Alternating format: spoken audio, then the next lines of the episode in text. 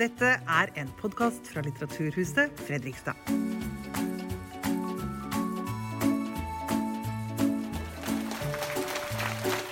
Hei, alle sammen. Eh, Velkommen hit til Litteraturhuset i Fredrikstad og til dokumentarfestivalen Kontrast. Jeg heter Grete Ruud og sitter i programkomiteen for eh, denne festivalen. Eh, Nå skal vi møte forfatteren Eva Sabczenska, en av mange tusen polske borgere i Norge. Gjennom sin egen historie og i møte med mm, andre polakker i Norge gir hun i boken 'Jeg er ikke polakken din' et unikt innblikk i landets største innvandrergruppe. Boka er en personlig og politisk beretning om et Norge vi sjelden hører om, fortalt med nærhet, varme og engasjement. Samtalen med Eva Sapchenska blir ledet av René Svendsen, som er redaktør i lokalavisen her i Fredrikstad, Fredrikstad Blad. Så velkommen til dere to. Vær så god. Tusen takk. Tusen takk. Og dette her har jeg aldri gjort før. Jeg har snakka med mange mennesker i mange sammenhenger, men ikke, ikke intervjua noen om en bok. Så jeg er litt mm. spent, faktisk. Men du har blitt en ringrev, så jeg regner med at du bare drar meg gjennom eh, det her. Ja, ja, ja. Jeg har ikke sett de spørsmålene som du har skrevet der, men uh, vi får se hvem som har regi. Jeg har, uh, jeg har selvfølgelig lest boka. En god bok. Takk. Uh, som jeg regner med de fleste her har, kanskje har lest. Jeg har noen med meg hvis noen vil Ja. ha en bok. Så har jeg noen der i veska. Um, du er eh, sosiolog og nå forfatter. Og fant ut at uh, du hadde lyst til å skrive denne boka. Hvorfor det? Ja, det tok meg eh, lang tid før jeg oppdaget at jeg ville skrive denne boka. Fordi jeg flyttet til Norge i 2004, så det er snart 20 år. Um, men det var nok Black Lives Matter som kanskje bevegde også noe i meg i 2020 under pandemien, når de store protestene også nådde Norge. Og så hørte vi kanskje for første gang veldig mange historier om um, diskriminasjon, diskriminering og hverdagsrasisme. Og jeg leste dem alle, jeg så dem på sosiale medier, de små filmene, filmsnutene. Og så gråt jeg med mange av disse historiene og kunne også kjenne meg igjen i mange av dem. Og etter hvert, etter sikkert mange måneder, oppdaget jeg at polske stemmer ikke var med. At, det, um, at den største minoriteten i Norge, altså eh, folk med røtter i Polen, ikke var med på denne fortellingsdugnaden, som jeg kaller den i boka. Um, Og så var nok pandemien kanskje en liten bit av hvorfor. Jeg fikk mer tid. Jeg reiste ikke, så jeg reiste inn i meg sjøl. Jeg fikk tid til å tenke om det var noe jeg eh, ville si. Mm. Ja, og den boka er jo egentlig også så, så det jeg prøver på, er å bare eh, si kanskje til den norske leseren eh, Se her. Det er ikke så mye vi snakker med polakker. eh, kanskje bare litt om dem. Og så vet man ikke så veldig mye om Polen i Norge, selv om det er den største minoriteten. Så jeg både forteller min, historie, snakker med andre folk som er liksom fra forskjellig bakgrunn og har forskjellig historie, men jeg vil også vise litt mer av Polen. Fortelle litt om polsk eh, kultur, litteratur osv. i boka. Mm. Og Eva, hva lekte du som barn? Det er altså et av disse tre spørsmålene som jeg anbefaler i boka. Man kunne stille hverandre i stedet for å spørre hvor er du egentlig fra. ok, Så jeg eh, lekte strikk. Eh, jeg oppdaget at min venninne fra Syria hun også lekte strikk. Og så noen av mine venninner fra Marokko de også lekte strikk. Så det er visst en internasjonal måte å leke. Mm. Det at gutter spiller fotball eh, verden over, er kanskje eh, mer kjent enn det at vi jenter liker å hoppe strikk. Og så mm, Ja, jeg leste bøker og hadde veldig mange dokker. Og det var gøy å være barn.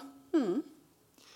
Og hvor eh, lei er du av spørsmålet hvor, hvor er du egentlig fra? Eh, ja, jeg får det spørsmålet såpass ofte at jeg er litt ferdig med det spørsmålet. Jeg er ganske lei det, ja. Eh, og så er den formelen jeg, jeg har sånn lang forklaring. Svaret mitt er kanskje for langt. Jeg kunne bare I boka sier jeg at jeg burde egentlig bare svare fra uh, grå Øst-Europa, 'Grey Lives Matter'. så det er uh, Ja. Um, når jeg sier at jeg er fra Polen, så får jeg noen sånne skuffede reaksjoner. Sånn kroppsspråket 'Å ja.'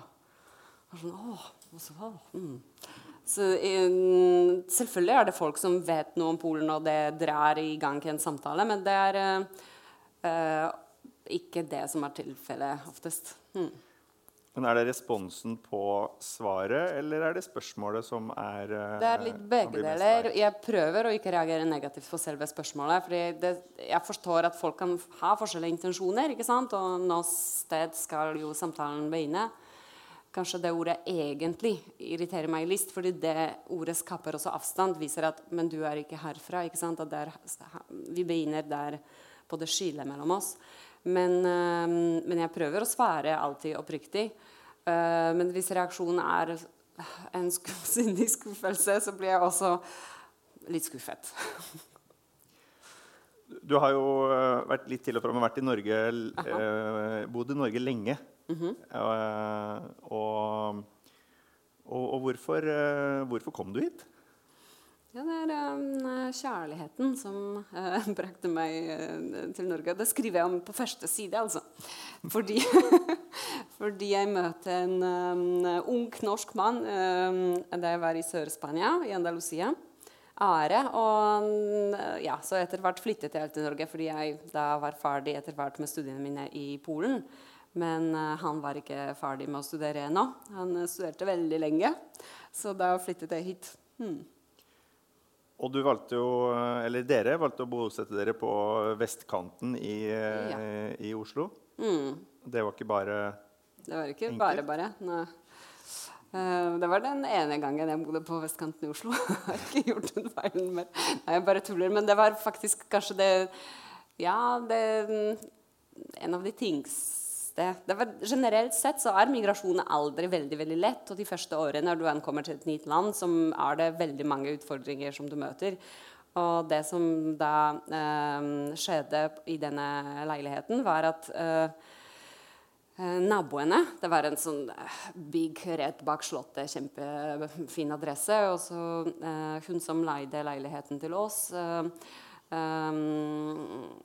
Hun mottok et brev fra naboene i bygget om at uh, naboene reagerte på navnet mitt på postkassa og ba henne få det fjernet. Og i samme brev argumenterte de med at uh, navnet uh, gjør at prisene av alle leiligheter i bygget skal synke. Altså, det var altså ikke sånn innfall at noen har hatt to øl for mange og sa noe som den personen angrer på neste dag. Det var noe som de da skrev i fellesskapet ned og argumenterte for. Så det mener jeg virkelig ja, ganske klart tilfelle. Um, ja. Uh, hun som eide leiligheten, hun var på den riktige siden av historien. altså. Hun, sa, hun bare informerte meg om det, men hun sa ikke jeg måtte fjerne etternavnet. Så det gjør hun ikke. Og jeg gjør det ikke det heller. så der sto navnet mitt. Men så Noen måneder seinere så vi etter en ny leilighet, og der var det heller ikke så veldig Der er fortsatt den historien at jeg Eh, ja, at polskheten min ikke akkurat gjør det lettere. Så vi, vi, kom på en visning som da eieren eh, arrangerte spesielt for meg og kjæresten min. Og det var et kjempekoselig trehus på Rødelokka i Oslo. Veldig, veldig fint um, område. Og så um, åpner eieren døra og altså, begynner bare å småprate med, med Are. Og jeg har ikke tid ennå til å åpne munnen, og da sier han 'beklager så mye' at det ikke er strøm akkurat nå, men de dumme polakkene måtte ha kutt kabelen mens de jobbet. Og da hadde jeg på en måte ikke sjanse til å bare fortsette den samtalen. Jeg, jeg, jeg, jeg følte jeg måtte begynne å gråte litt, så jeg bare gikk ut. Sånn, ja. Ja, så Sånne opplevelser eh, var der. Men når jeg også bestemmer meg å snakke med andre personer i boka, så er det fordi jeg går inn i meg sjøl og tenker jeg, ja, kanskje det er gamle historier, kanskje jeg overreagerer. Jeg må spørre de andre hvordan de har det. Og det leder meg på en måte videre i hvordan jeg ja, utforsker dette temaet. Mm. Og du får jo mange bekreftelser på at uh, dette ikke er unike opplevelser som du har hatt? Eh, Absolutt ikke. Og noen av de historiene er også verre enn det jeg trodde. Og Da blir jeg litt mer sint. Samtidig som jeg må også understreke at det er ikke alle personer i boka som sa at de føler seg diskriminert i Norge, men alle, alle, alle sammen sa at de føler seg ofte satt i bås. At de får eh, ikke sant, sånn eh, ja, merkelapp på panna der det står polakk. men, eh, ja, men det er også sånn Så det er alt fra sånne mikroaggresjoner kanskje, til sånn storskala la oss si, lønnstyveri, mobbing på jobben. Uh, ja, grove tilfeller av diskriminasjon på arbeidsplassen eller på boligmarkedet. Så på boligmarkedet er det også flere historier, ikke bare min historie. Ja, og til og med en historie veldig nær deg som du ikke hadde fått med deg før du begynte å jobbe med denne boka. Eh, ja, Jeg tenker at jeg skal jeg fortelle uh, denne historien? Den er sånn, jeg vil ikke være, for den som ikke har lest boka, så blir det kanskje en liten spoiler. Men det kommer en historie senere i boka som uh, er eh, Ja, som Da jeg oppdager at, at jeg ikke har snakket med broren min engang om det som har skjedd da, i mine første år i Norge, og han har ikke fortalt meg hvordan det var for ham å være polsk i Danmark, der han har studert. Så der oppdager vi plutselig, pga. at jeg jobber med denne boka, at våre historier er ikke så ulike. Men Vi, lar, vi, lar det, Ja. vi lar det henge der. Sånn ja, det- vi lar det henge der. Men eh, det er bare kanskje en sånn signal på at når jeg drar eh, til jul eh, til Polen for å besøke familien min, så snakker jeg ikke om det vonde. ikke sant? Det er, det er så fint å møte familien. Da snakker du om det positive. Og det er jo mange positive ting med å bo i Norge. Jeg eh, legger ikke skjul på det. Men eh, ikke sant? det er mye vanskeligere å snakke det ubehagelig om, om sånne stunder i livet ditt når du føler deg ydmyket. Ja. Og du viser til eh, Det er gjort eh, ganske mye forskning på, på polakker i Norge. Og, Faktisk, selv om man kanskje ikke, Det er ikke allment kjent, men Fafo har forsket på den største minoriteten i mange år. Ja. Og eh, blant annet da Kanskje ikke overraskende, da, men, men at polske kvinner blir renholdere, og polske menn har, eh, of, ofte, havner ofte, på mm, byggeplasser. ja. Mm. Ehm, og så eh, er det dette da med at eh, polakker ofte blir nødt til, eller eh, ikke har noe annet valg, enn å si ja til stillinger som er lavere enn den utdanninga de har. da. Mm. ja. Det er et tema du dekker ganske mye i, eh, i boka di. Hvor, hvor sårt er det for, eh, for polakker i Norge? Jeg tror at der, Først og fremst så er det utbredt. for som du sa, den Undersøkelsen av, av Oslo-området det er nok litt gammel. Dessverre har vi ikke en bedre undersøkelse enn nyere. Det er 2010, da 60% av polske kvinner i Oslo jobbet i renhold. Men bare 1% av dem hadde sånne stillinger i Polen før de kom til Norge. Og det er akkurat det som er poenget. ikke sant? Det er ikke det at de fortsetter med eh, det de jobbet med før. Og veldig mange av dem har egentlig helt annen utdanningsnivå. Det, forskning viser at 47% av polske kvinner i Norge har høyere utdannelse, som er faktisk litt over gjennomsnittet for norske kvinner. Eh, og likevel, når du da ser at ikke helt 60% jobber i renhold, så kan du forestille deg at mange av dem har helt andre ambisjoner i livet, kanskje. Og det er ikke for å snakke ned noen yrker. Eh, pandemien viste hvor vi- viktig i samfunnet, hvor samfunnskritisk det er å eh, holde det rent. Det er ikke det jeg mener. Men eh, jeg viser også til en undersøkelse som en eh, polsk eh, doktorgradsstipendiat har gjort i Nord-Norge. Hun har snakket med 30 polakker i Norge som da jobber under det nivået de er utdannet til.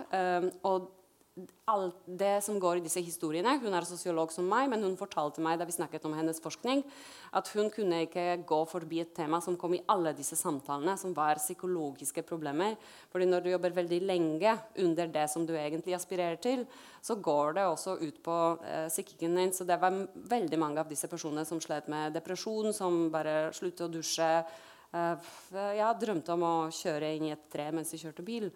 Eh, ganske mange eh, sånne historier. Så har det Um, en sitat fra denne doktorgraden som jeg siterer i boka, som gjør det stort inntrykk på meg. En, uh, da, en dame som heter Beata, som sier ok, jeg har doktorgrad, jeg kom hit til Norge, jeg prøver å finne jobb, og så får jeg uh, e-post fra min uh, rådgiver på Nav at jeg skal ta vaskejobber.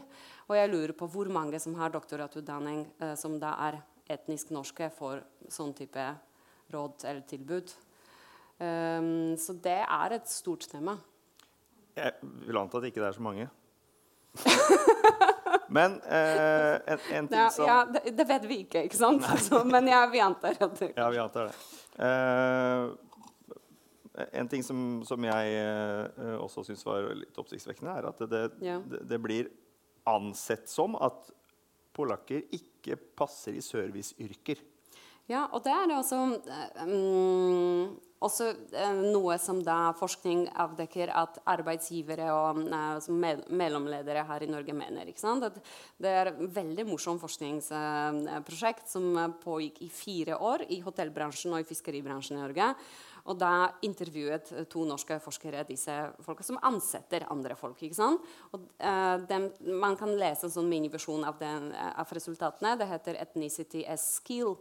Uh, og det viser da at uh, disse um, som ansetter, arbeidsledere og arbeidsgivere, de anser da det landet eller nasjonaliteten til en person uh, som, som ja, set of skills. ikke sant? Det som denne personen egner seg til.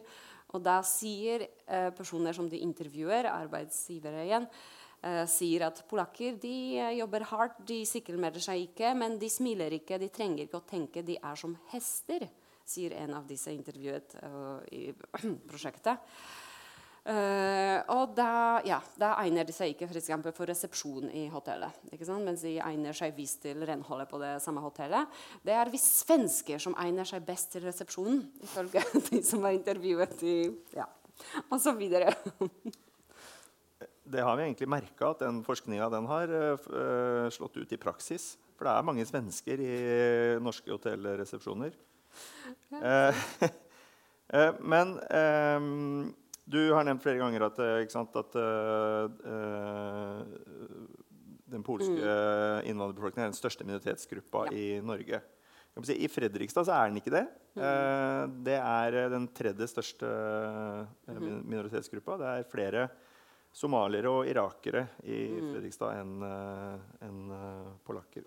Men jeg snakka med eh, lederen for den polske foreningen i Fredrikstad. for å høre liksom, er det, Han hadde lest ikke, han hadde ikke lest hele boka, hadde ikke rukket ennå, men han hadde lest en del. Ja. Eh, og, og, og kjente seg jo igjen i, i, i veldig mye. Han var veldig opptatt av uh, språk og Ja. hvordan det Han er fastlege og snakker jo da mye med pasienter. Ja. Og, og, og veldig opptatt av hvordan, eh, hvordan språk påvirker eh, altså graden av norsk eh, språklighet da, som, eh, som den enkelte har, som påvirker eh, evnen til integrering. Ja. Hva tenker du om det? Ja, Det er selvfølgelig viktig eh, for integreringsdelen. men eh, det jeg påpeker i boka, er at eh, i motsetning til Danmark og Sverige, så har ikke Norge tilbud om gratis norskkurs. Eh, eh, altså I Danmark er det dansk som er gratis, ikke norsk, og i Sverige svensk. Men det er ikke gra gratis eh, språkkurs for de som kommer fra EU. Eh, det er faktisk noe som forandrer seg i Norge i året 2004, som er det historiske året Polen ble med i EU. Så det, ja, det er noen som har regnet at det blir for dyrt, rett og slett. Eh, men det er eh, ikke en eh, Ja, det hadde vært mye mer samfunnsnyttig om man hadde hatt tilgang til disse kursene. Hvis man jobber de første årene ganske mye og ikke har mange penger til overs, så går man kanskje ikke først og fremst i denne investeringen i et, et språkkurs her. Det hadde hjulpet integrering veldig mye. Eh, og, sant, det er mye lettere å bli utnyttet for eksempel, på arbeidsmarkedet når man ikke eh, kan norsk også. Så, ja. Og så har du ek eksempler her i Fredrikstad på bedrifter hvor eh, nesten alle ansatte er, er polske. Og det også er da, dette er da if ifølge lederen av den foreningen også en utfordring fordi da eksponeres man ikke for eh, norsk Ja. på jobb heller. Eh, og, og dermed så blir, eh, så blir integreringa da en veldig sånn frivillig del eh, som man da i tillegg må betale for eh, den språklige integreringa. Og det, det, det gjør jo også at det, det, blir tyngre, da. ja, helt sikkert. Mm. Eh, Det eh, Jo, eh, det var eh, Det var en eh, Jeg spurte om han hadde opplevd noe eh, à la det som Men jeg tenker det, det, er jo en del av de du har snakka med, som har snakka med bare noen tullinger i Norge. Sånn jeg ser det. Altså, de, det de har sagt, er så så langt utenfor liksom den allmenne måten å snakke med mennesker på at man har vært litt uheldig, kanskje. da. La oss håpe det. At det ikke er helt representativt. Eh, men han fortalte, han er jo da som sagt lege, og han hadde vært på skitur. eh, Og sittende i alpinheisen eh, og snakka med en, eh, en, en norsk kar om eh, løst og fast og ski og smøring og, sånt. Eh, og så hadde han da spurt hvor kommer du egentlig fra, sikkert. og han hadde sagt Polen. Og da var spørsmålet å ja, det er dere som har så strenge abortlover. ja. Det var liksom, eh, det var det første, den første- assosiasjonen. da. Og det skriver du en del om. altså det der, de, der, de tingene som vi i Norge forbinder med, med, med Polen og, og, og polakker. Og hvor lite vi egentlig kan om Polen. Burde vi kunne mer? Jeg hadde ønsket uh, at, uh, ja, at man kunne uh, mer. Og jeg, jeg har også tenkt at er det ikke sånn altså i Polen at vi egentlig vet veldig lite om Ukraina? Nå som Pga. krigen så har vi plutselig begynt å lese forfattere fra Ukraina, og interessen har gått um, opp mye. Så det er ikke bare kritikk eh, mot Norge. Men ja, jeg mener at man vet veldig lite om Polen i Norge. Så jeg, det er et sånn lite kompendium. eh, på det 130 sider så introduserer jeg både polske forfattere, men også om punkmusikken fra 80-tallet. og ja, det er veldig Og så prøver jeg å forklare at det er så mange kule forfattere som ikke er oversatt. Bl.a. Blant annet hun som oversatte boka til polsk, Ilona Wisniewska. Hun bor i Nord-Norge og skriver utelukkende om Nord-Norge. Og likevel er hun ikke oversatt til norsk. Det er litt paradoksalt. Så ja, det er um, Ja. Mm. Hva, um, hvis jeg hadde reist eh, til Polen og bosatt meg der og introdusert meg som eh, Eller blitt spurt kanskje der òg hvor kommer du egentlig fra, og sagt Norge, hva, hva ville mange polakker spurt meg om? Jeg foreslo barnevern, men du sa det trodde du ikke. Eh, Nei, absolutt ikke. Jeg tror at dette ikke er på toppen av lista i det hele tatt. Eh, de første assosiasjonene til Norge eh, i Polen hvis du, ikke sant? Og jeg har bodd da med mannen min i Polen i fire år, og han er norsk. Eh, og han fikk jo utelukkende positive kommentarer om det stedet han kom fra, som da forbindes med menneskerettigheter, med uh, kvinnerettigheter, LHBT-rettigheter, med veldig uh, vakker natur, med gode lønninger, arbeiderrettigheter. Så jeg tror ikke det er barnevernet man først og fremst tenker på. Det fins en bok utgitt av um, Czarne på polsk om um, barnevernet i um, Norge, men det er en ganske balansert bok, eh, må jeg si. Um, det er god journalistikk um, som beskriver liksom, de casene som, som har vært. Og vi blir jo også eh, prega av eh, det vi leser og ser i mediene. Eh, du er også litt inne på det, altså hvordan, uh, hvordan Polen og polakker omtales i, i norske medier. Og jeg jobber jo i en lokalavis, og jeg måtte jo sjekke da, min egen avis. Jeg, jeg googla eh, eller polakker i vårt eh, arkiv. Ja. Og det var eh, 500 artikler, faktisk, så det var ganske mange. Og halvparten av dem handler om eh, eh, vogntog som er stoppa på Svinesund med utslitte bremser og, og den Ja. type ting. da. Mhm. Eh, og det, det er klart at ja, Ja. det, gjør, det, det gjør jo noe med det inntrykket folk har av mm. eh, De leser oftest om eh, at eh, polakker er eh, eh, sløve lastebilsjåfører som ikke gidder å ta hensyn til at de skal kjøre på glatta i Norge og utsetter norske bilister for fare. Ikke sant? Og Ja. da skaper man sant, de situasjonene eller befester de merkene vi har. Jeg skriver også litt om medieforskning som NUPI har gjort. En, forsk en polsk forsker som jobber der i Oslo på NUPI, Godzimirski. Og han da så på hvordan Aftenposten dekket polakker i 2004, det året um, Polen ble med og ti år senere, 2014. Så i 2004 handlet 40 eh, av alle artiklene kalte polakker eh, billig arbeidskraft. Og det sank til 30 ti år seinere. Så det, okay, det, gikk ned, men ikke så veldig betydelig. Eh, I 2004 var tredje del av artikler handlet om kriminelle fra Polen. Og det da gikk ned til 12,5% som her er nedgangen mye uh, større ti år seinere. Mm, det jeg også ser på i boka, er rollens, uh, den rollen som mediene i Norge hadde under pandemien. fordi da var også polakkene en av disse gruppene som ble utpekt som de som ikke er vaksinert, de som sprer um, viruset. Uh, og det var ganske tunge overskrifter. som uh, Nordlys hadde f.eks. Um, om de flyene som da fortsatt ankom daglig. Fra Polen til Norge. Dette er en invasjon. ikke sant? Invasjon var tittelen. Um, ja, litt sånne ting. Så jeg, jeg tror at det er et veldig stort ansvar som mediene har. Og så har vi hele populærkulturen. og Det er ikke så veldig mange serier som kanskje kunne ha vist da, den største minoriteten her i Norge som vanlige mennesker, som er også forskjellige og viser mangfoldet blant dem. Det er bare den ene serien jeg kan tenke på som egentlig representerer polakker på en viss måte, og det er 'Kampen for tilværelsen'. Og Der bor polakkene i en trang kjeller og er alle håndverkere. Eh, de eh, er, ja, eh, jobber som tjenere til rike nordmenn på Oslos vestkant. Um, I Skam er det bare sånn liten ørebit-referanse. Og det er visst sånn at de ungdommene i Skam de kjøper øl fra Polen. De er under 18, da, og så kjøper de polsk øl fra polske arbeidere her. Mm, ja. jeg tror at man har en vei å gå der. Men hva, hva, burde, hva, burde, vi gjøre, da? Eh, for å ta det helt ned på eh, lokalavisnivå. Burde vi eh, la være å fortelle at disse vogntogene som blir stoppa på grensa, er fra Polen?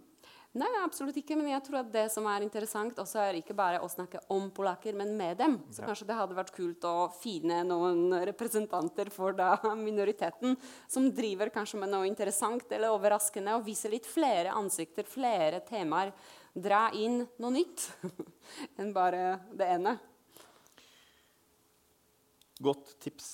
Det skal jeg ta med. Jeg, jeg, jeg spurte for et par-tre timer siden på, på Facebook Um, om uh, Jeg sa at jeg skulle hit og snakke med deg. Mm -hmm. Og så tenkte jeg, siden det er en del av temaet i boka di, hvordan altså, assosiasjoner man har til det polske mm -hmm. og, og, til polakker. Så da spurte jeg rett og slett Ja, hvilke assosiasjoner uh, får du når du hører ordet polakk? Og det er, uh, det er alt fra selvfølgelig billig arbeidskraft til, uh, til flotte mennesker uh, og, og, veldig positive assosiasjoner. Mm. Mest av det. Men en jeg har lyst til å lese opp Du har fine venner på Facebook. ja. Gode folk. ja. jeg har lyst til å lese opp en av de som jeg syns var ja. veldig representativ og god. Det er Claudia som skriver jeg vokste opp i Norge med en polsk mor. Eh, faren min er også polsk, men har aldri bodd i Norge. skriver hun. Kom hit som barn på starten av 90-tallet. Konnotasjonene ordet polakk brakte med seg, førte til at jeg i store deler av tenårene og starten av 20-årene lot være å si at jeg er polsk. Jeg bar på en stor skam over opphavet mitt, som en kameleon i Jeg snakker flytende norsk, skriver hun. Så som en kameleon har jeg gjennom livet hørt nordmenn snakke om polakker på en nedlatende, stereotypisk måte som var ganske vanlig for, eh, vanskelig for en polsk-norsk tenåring å navigere i. Jeg håper dette har blitt bedre. I dag skammer jeg meg ikke over å komme fra Polen. Og så sier hun også at jeg har bodd fire år i USA og opplevde amerikanere at amerikanere ikke hadde slike holdninger. Og så sier hun polakker i Norge omtales nok på mange måter som amerikanere omtaler meksikanere. Mm. Hva tenker du om det? Uh, ja. Uh, broren min sier uh, i boka Broren min bor også i USA nå. at han måtte helt til USA for å skjønne hvor mye antipolsk rasisme det er i Danmark. Og at han i USA er en europeer, mens i Danmark var han en polakk. Bare en polakk. Så ja, jeg har snakket med mange lesere der noen også forteller at de eller deres barn gjennom oppveksten i Norge har skammet seg å snakke polsk på offentlige steder. Um, så det er, det er sånn, et tema som gjør vondt. Og, og, hvor kommer da den skammen fra? Det er, sånn, det er, når vi internaliserer de signalene vi får fra verden uh, rundt oss. At man ja, kanskje, Det er veldig interessant det hun skriver, at hun følte seg som en kameleon. fordi uh, Siden hun snakker uten aksent, så visste ikke folk hvor hun kommer fra. Uh, jeg snakker med aksent, så det, blir, sant, det er derfor jeg får dette spørsmålet hele tiden. Men noen ganger, siden jeg er hvit, så også antar ikke mange at jeg ikke er herfra først. Det er først når jeg åpner munnen, at den fremmedheten kommer fra. Og da føler jeg også meg veldig fremmedgjort når folk da insisterer på ok, så du tilhører ikke. Uh, ikke sant? Men samtidig så føler jeg meg litt som en kameleon, fordi jeg ser ikke så eksotisk ut heller, siden jeg er hvit. du har uh, Når jeg leser de, avslutninga mm. på boka di, ja. så, så, så, får jeg liksom en følelse av at dette har, dette har vært mm. en jeg hater å bruke ordet 'reise', må finne noe annet, men det, det, har vært en sjelsettende opplevelse for deg. Mm. Og å, skrive boka og gå gjennom den prosessen. Ja, det var en sånn uh, liten uh, terapi, kanskje. Uh, hmm. Hvordan er du annerledes nå etter å ha skrevet boka enn du var før? Jeg, jeg, var, først og fremst når jeg skrev ned i, når jeg gjorde intervjuene og Det var faktisk veldig gøy også å drive intervjuene, for jeg ble kjent med så mange nye folk. Men noen av de historiene de fortalte meg, de var såpass tunge at når jeg etterpå satt og skrev dem ned, så gråt jeg over dem. Og så kom det en ikke sant, sinne, som jeg snakker om, om, i boka, at jeg er sint når jeg begynner. Det vokste også, sånn, det gikk litt opp og ned. Men når jeg gikk gjennom hele denne prosessen, og satt den boka sammen, og så tenkte jeg hva vil jeg egentlig med dette prosjektet? Og jeg vil jo at det skal være mer empati, at det skal være mer solidaritet. At vi alle sammen skal være mer åpne.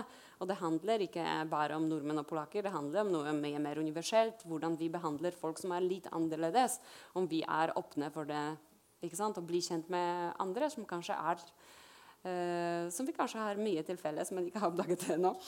Uansett, jeg, når jeg til slutt kommer til denne, um, den tanken så, så, er jeg mye mer full av håp. Uh, og jeg antar nok at det faktisk har blitt allerede litt bedre med tid.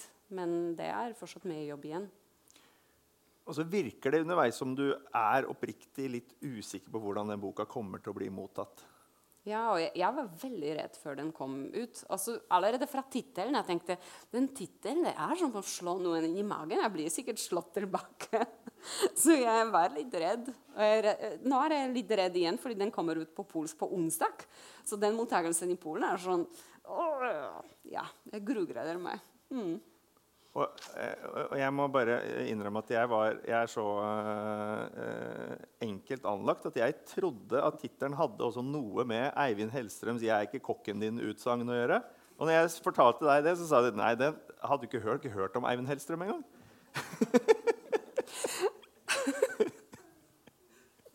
Ja, du forklarer, ja, er, du forklarer, jo i boka hva det handler om, men jeg trodde, også, jeg jeg trodde også, det var en tabloid. Din, og så ser jeg nå at dette er noe som man kan ha skrevet på T-skjorta eller en hettegenser. Så det er visst en stor motto som jeg ikke har fått med meg. Men uh, det, det, som er greia, er at, at tittelen er både at den mm, viser litt til det de forskjellige uh, som jeg snakker med i boka, forteller også. Det er f.eks. en fyr som blir bedt om å ride sementrester i oppgangen der han bor så, av en nabo. ikke sant? For naboen antar at hvis det er sementrester, så da går jeg til Pavel. Og Pavel er så snill at han bare rider det opp. Og så kommer naboen tilbake et par uker seinere og sier sorry, er, jeg har oppdaget nå at det ikke var din rot, da. ja, så litt, Den tittelen kommer litt eh, derfra.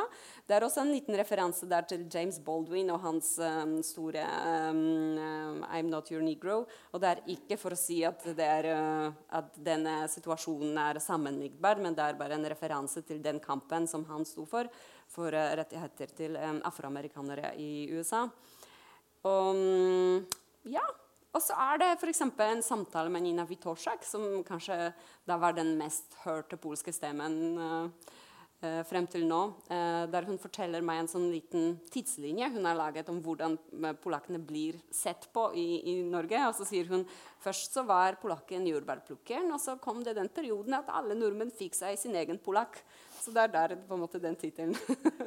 den som beiser huset og fikser kranen, fortsetter hun. Mm. Um, hva med å stjele den ideen om 'jeg er ikke kokken din', og lage de der 'men jeg er ikke plakken din'? Kanskje det, det kan bli en, eh, en, hit som kan markedsføre boka. Men, eh, men hva, er du, hva, er du, hva, er du, engstelig for uh, når boka skal komme ut på polsk? Mm, ja, jeg, det er flere ting. For det første så hadde jeg ønsket at det ikke bare blir en reportasje fra Norge.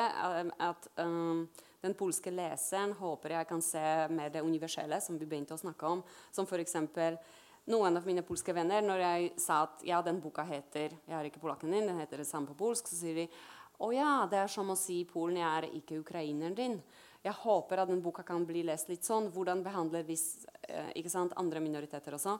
Det andre jeg er litt redd for, er at, at når den boka kom på norsk, da, så ble jeg intervjuet av Onet eh, Piel, og det intervjuet da ble lest av 1,5 millioner personer i Polen. Så uten at folk har lest boka, så har de lest om den. Og man, det er helt opplagt at i et lite intervju på Onet Piel, som også er laget sånn at folk kan klikke på det intervjuet, så er ikke alle aspektene av boka belyst der.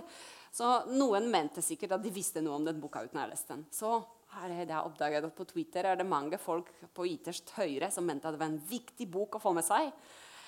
Så og der er ikke du? De, det, så det, jeg tror at når de leser den, når den kommer på polsk, så blir de veldig sinte på meg.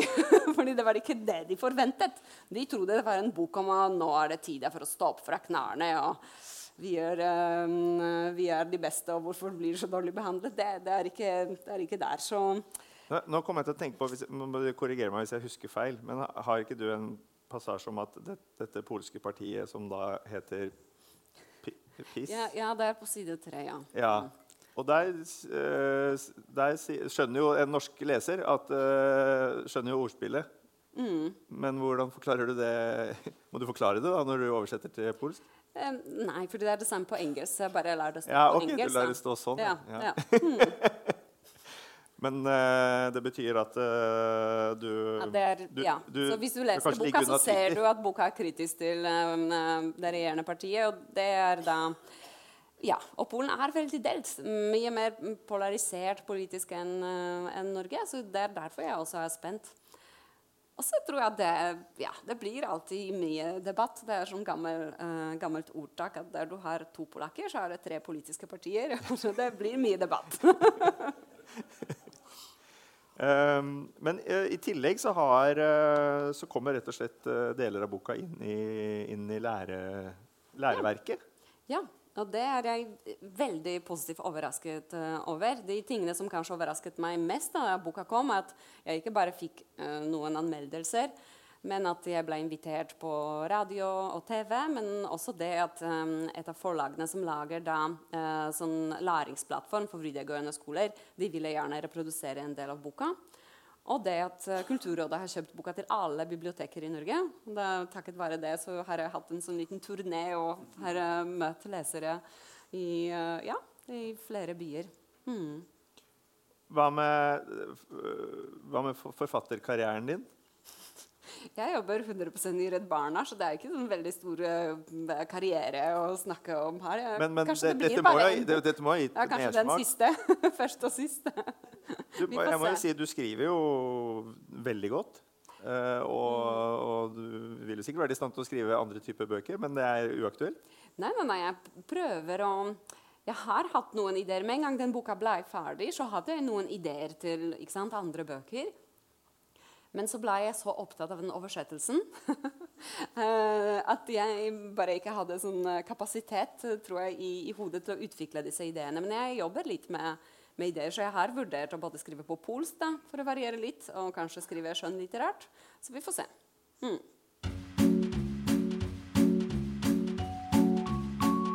Du har hørt en podkast fra Litteraturhuset Fredrikstad.